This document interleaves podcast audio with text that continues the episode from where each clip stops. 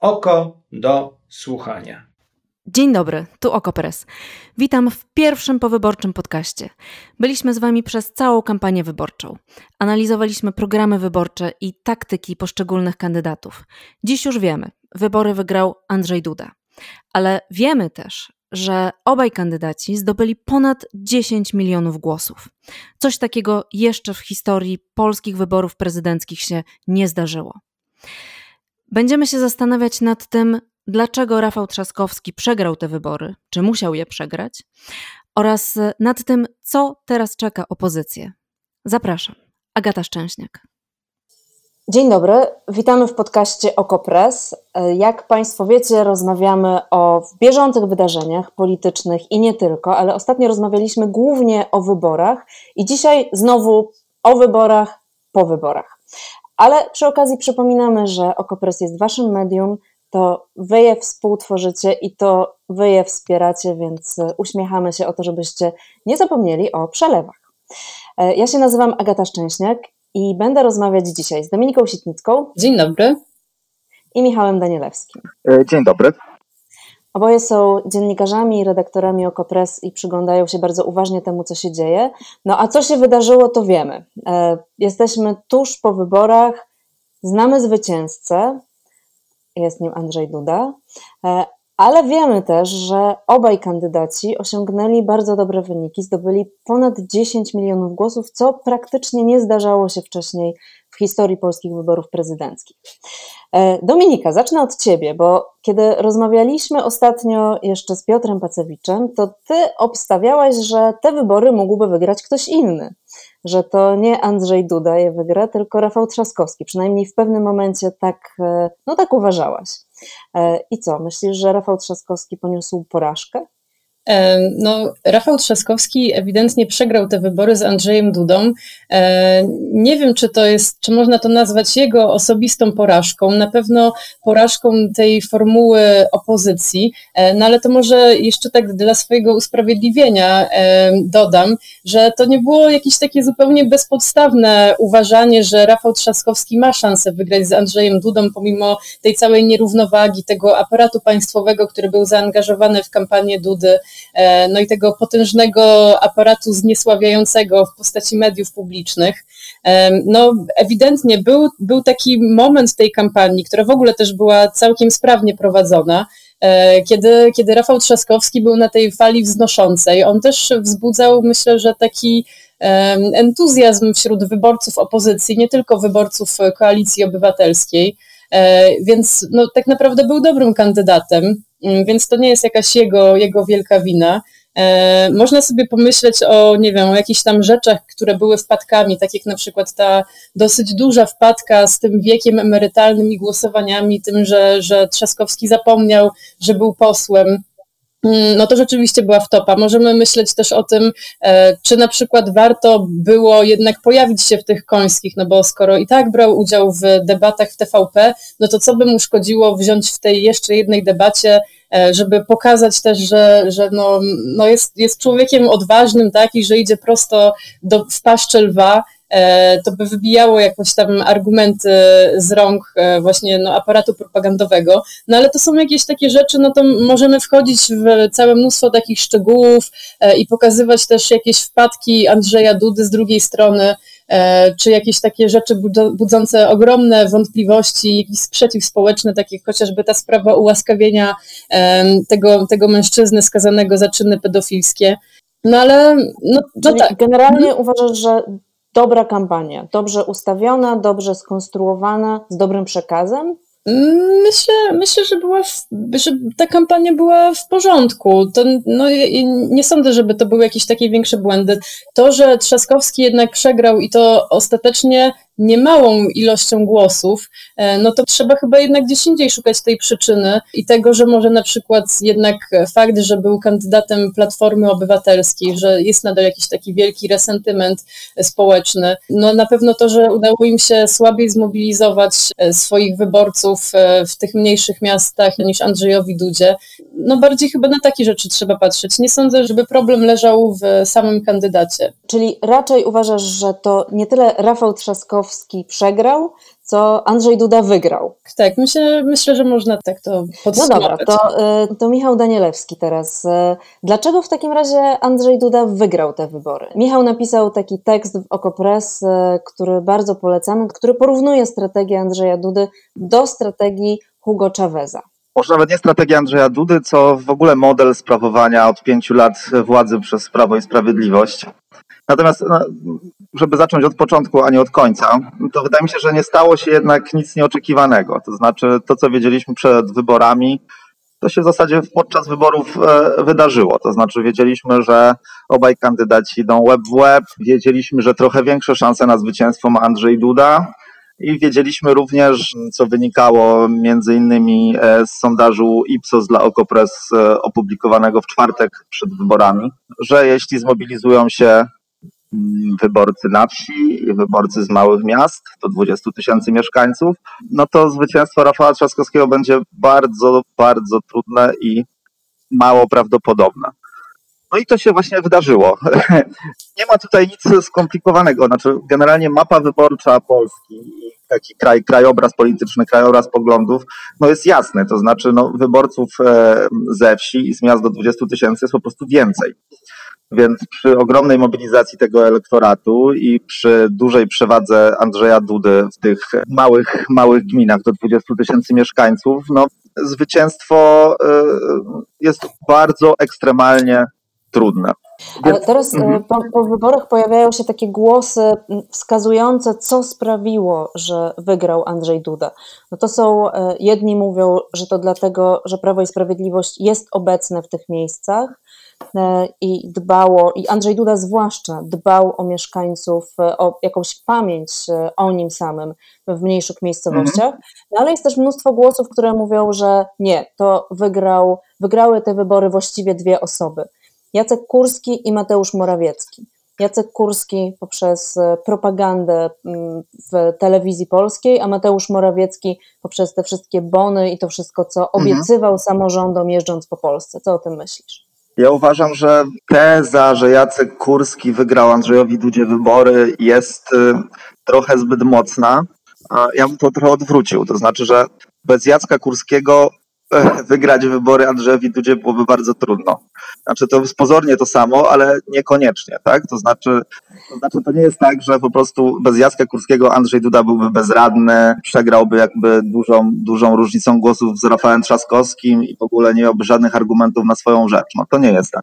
Andrzej Duda apelując i jakby kierując swój, swój przekaz do tej Polski powiatowej, polskich małych miasteczek, polskiej wsi, e, no, miał bardzo dobrze wymyśloną kampanię.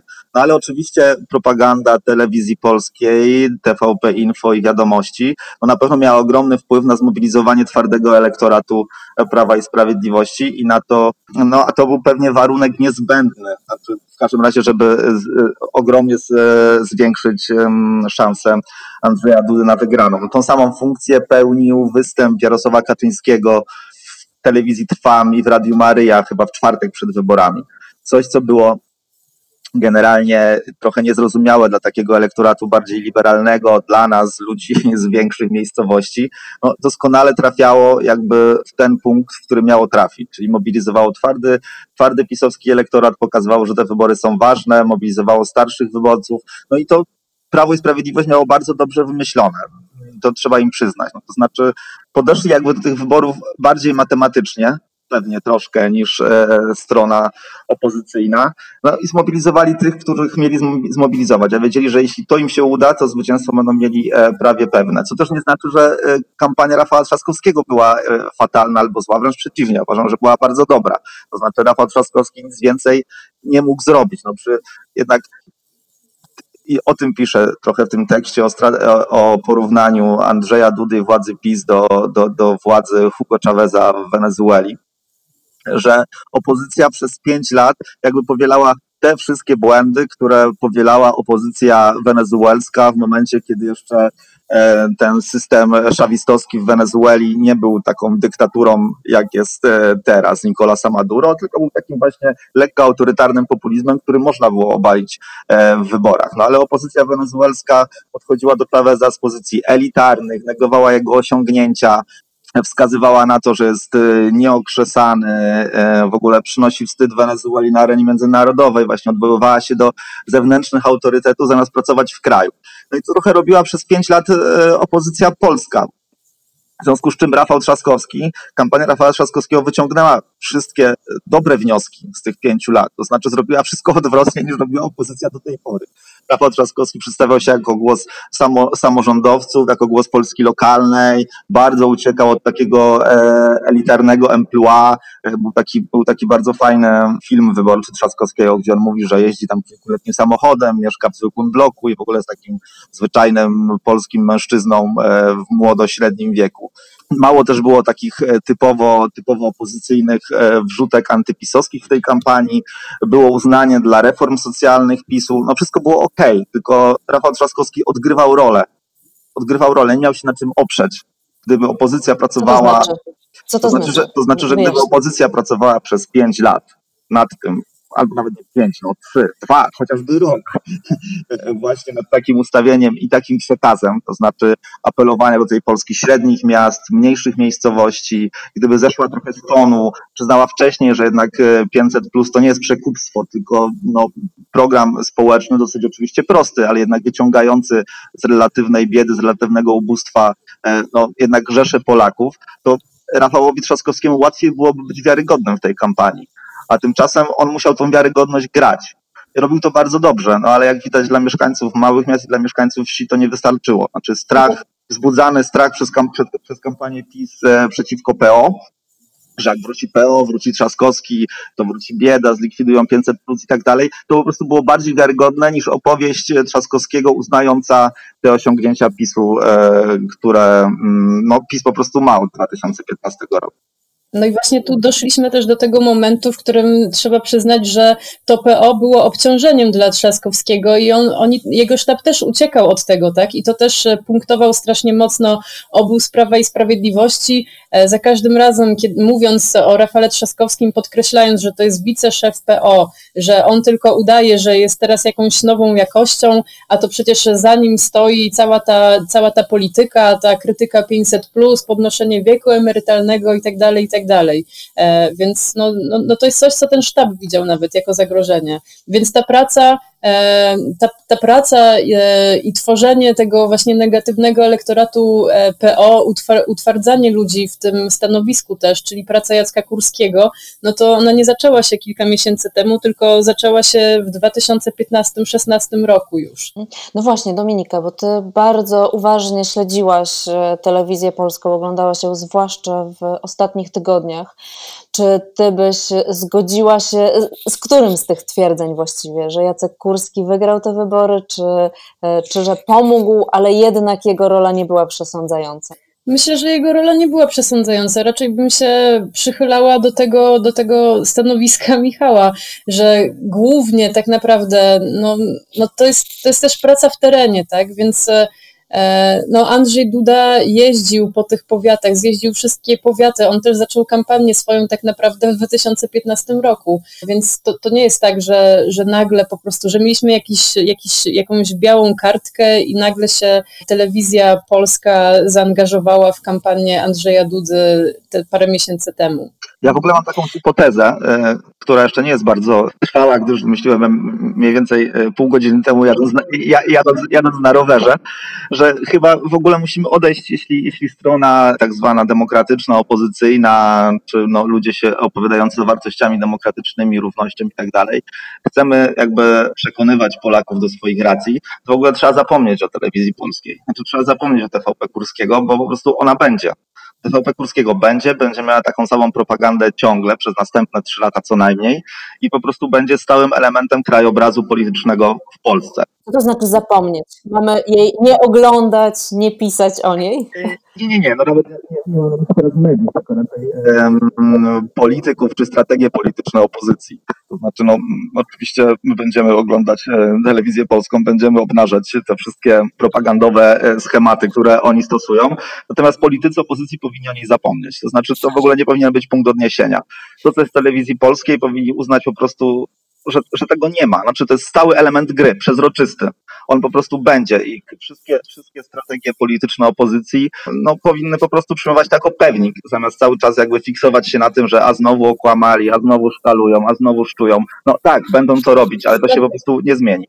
No tak, ale z drugiej strony e, to też było tak, że, że, ten, że ten taki kurs przeciwko, e, przeciwko telewizji publicznej, e, który, który prowadził sztab Rafała Trzaskowskiego, on też nie polegał na tym, że codziennie robiono konferencje i prostowano jakieś tam, jakieś tam przekłamania, manipulacje i głupoty, które pokazywano w telewizji, tylko no, od takiej, to, to on się opierał na takiej ogólnej niechęci i takiej, takim przekonaniu o tym, że tam jest jakiś fałszywy, zakłamany przekaz, który urąga urąga zdrowemu rozsądkowi, obraża obywateli w ogóle, którzy płacą na tę telewizję i wydaje mi się, że to był całkiem niezły mobilizujący faktor, na przykład wyborcy Konfederacji, e, którzy strasznie nie lubią telewizji publicznej. Myślę, że możliwe, że między innymi dzięki temu, że że jest taki kandydat, który się sprzeciwia tej takiej właśnie propagandzie, której oni strasznie nie lubią, bo, bo są nie, niechętnie nastawieni wobec w ogóle mediów, że to jakoś też mu pomagało, tak, zbierać ten elektorat. Ja bym powiedziała, jeszcze, jeszcze więcej bym powiedziała, że e, w, no jest taki sposób e, myślenia o polityce, uprawiania polityki, w której opiera się ją na identyfikacji wroga. Być może zawsze w polityce jest tak, że mobilizujemy się przeciwko czemuś albo przeciwko komuś. No i Prawo i Sprawiedliwość, wiadomo, mobilizuje się przeciwko elitom, które różnie definiuje, czasem umieszcza je w Polsce, czasem w Niemczech, czasem w TVN-ie, czasem w Platformie Obywatelskiej, a Rafał Trzaskowski umieścił tego wroga e, w TVP.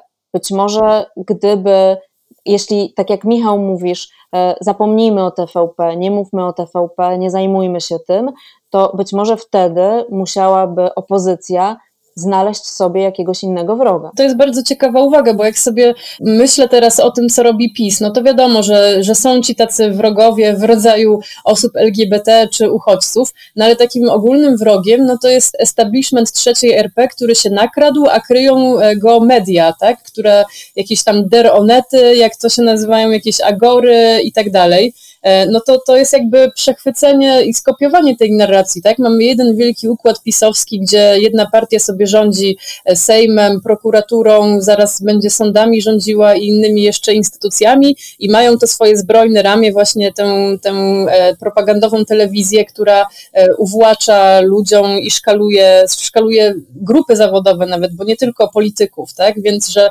tutaj razem nas się, nas władza poniża obywateli razem z tą telewizją, więc to, to, to nie jest wcale taka chyba bezsensowna zupełnie strategia. Ja się, ja się zgadzam, że w tej kampanii oczywiście to było bardzo funkcjonalne i po, po, po, pomogło Trzaskowskiemu e, zmobilizować e, elektorat antypisowski. Natomiast, e, więc ja się nie odnoszę do przeszłości, jakby odnoszę się do hmm. przyszłości.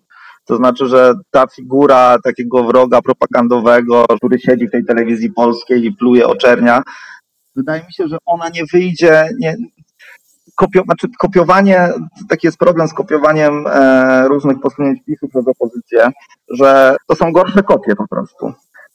To znaczy opozycja nie ma w sobie takiej determinacji, mimo wszystko nie ma w sobie takiej bezczelności i nie ma w sobie takiego po prostu takiej pogardy dla zasad e, rozumu i godności człowieka. Tak? To znaczy zawsze ta kopia wychodzi trochę blado. I, I wydaje mi się, że trzeba szukać gdzieś indziej. To znaczy, no jak Grzegorz Schetyna sobie wymyślił, że na wzór PiSu podczas rządów Platformy będzie totalną opozycją, no to to wszystko było jakieś takie koślawe, takie trochę totalne, trochę nie do końca. Przekaz był nie wiadomo jaki.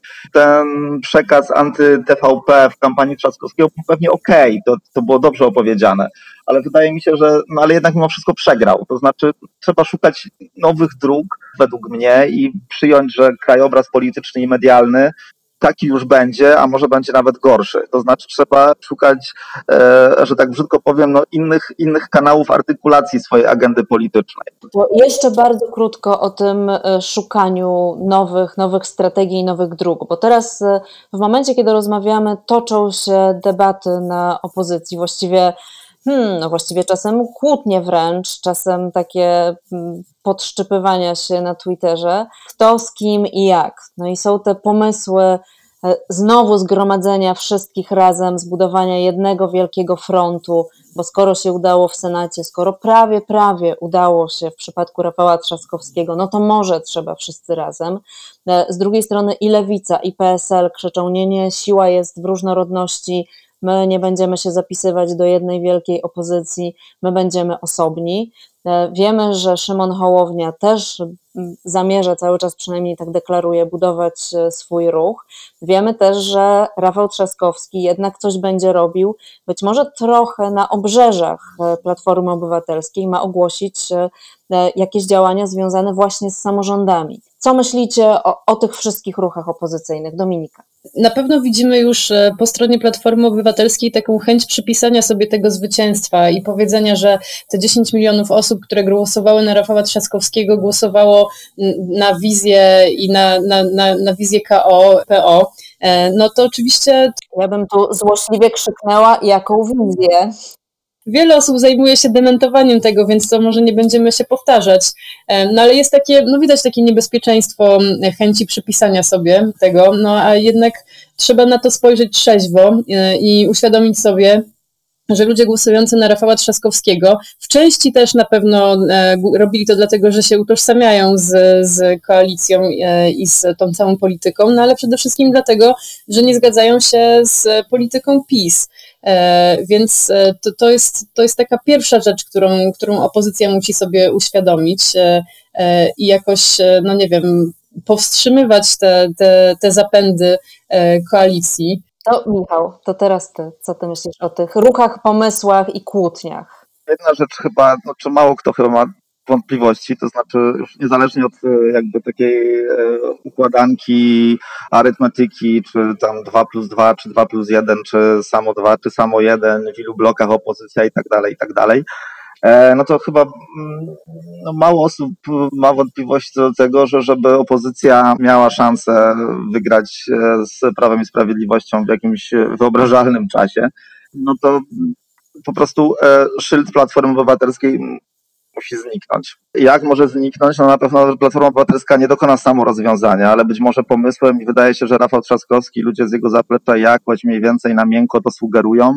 jest powołanie jakiegoś takiego szerszego ruchu, tak? czyli za, za, zaangażowanie samorządowców, zaangażowanie ludzi, którzy do tej pory w politykę taką stricte partyjną się nie angażowali, czyli trochę powtórzenie ruchu Szymona Hołowni. No i na tej takiej szerszej niż sama Platforma, niż sama Koalicja Obywatelska bazie można po prostu, wydaje mi się, zrobić tak zwany rebranding.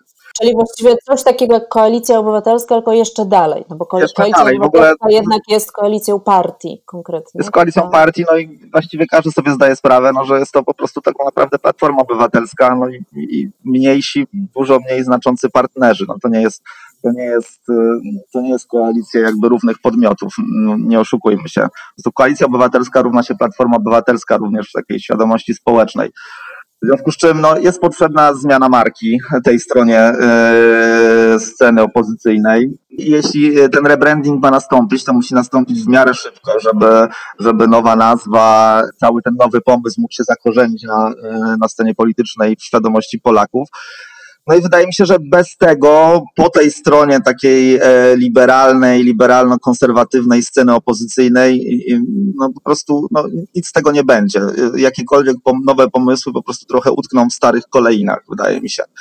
Więc y, no, to jest minimum. A co z opozycją i czy ona powinna iść, no czy to jest po prostu, ja po prostu już jestem trochę znudzony, przyznam szczerze, tą dyskusją, bo no, y, fakt jest faktem, to nie, że... To, to, to, nie będziemy nudzić i dzisiaj nie będziemy się tym już zajmować. To tylko ja powiem jedno zdanie, że po prostu no, nie, nie będzie takiej formuły y, przy obecnej konfiguracji, w której po prostu opozycja pójdzie razem w jednym bloku w wyborach parlamentarnych po prostu. Koniec, kropka. Koniec, kropka. Nie porozmawiamy już dzisiaj o tym ani co dalej z Lewicą, ani co dalej z PSL-em, ani co dalej z Konfederacją, ani co dalej z Szymonem Hołownią. E, na pewno możemy powiedzieć jedną rzecz, że ci, którzy spodziewali się, że świat się skończy po tym, jak wygra Andrzej Duda, no po prostu się pomylą, bo w najbliższych miesiącach będzie się bardzo dużo działo na opozycji. I ja przynajmniej mam takie przekonanie, że wynik Rafała Trzaskowskiego daje jednak bardzo duże pole do działania. E, opozycji, że te najbliższe miesiące będą bardzo, bardzo ważne. I też z tego powodu przypominamy, zachęcamy, zapraszamy do czytania Okopres, do słuchania Okopres, e, A dzisiaj dziękujemy za uwagę. Dominika Sitnicka. Dziękuję, do widzenia. Michał Danielewski. Dziękuję, do widzenia. I Agata Szczęśniak. I słyszymy się znowu za jakiś czas. Dziękuję bardzo.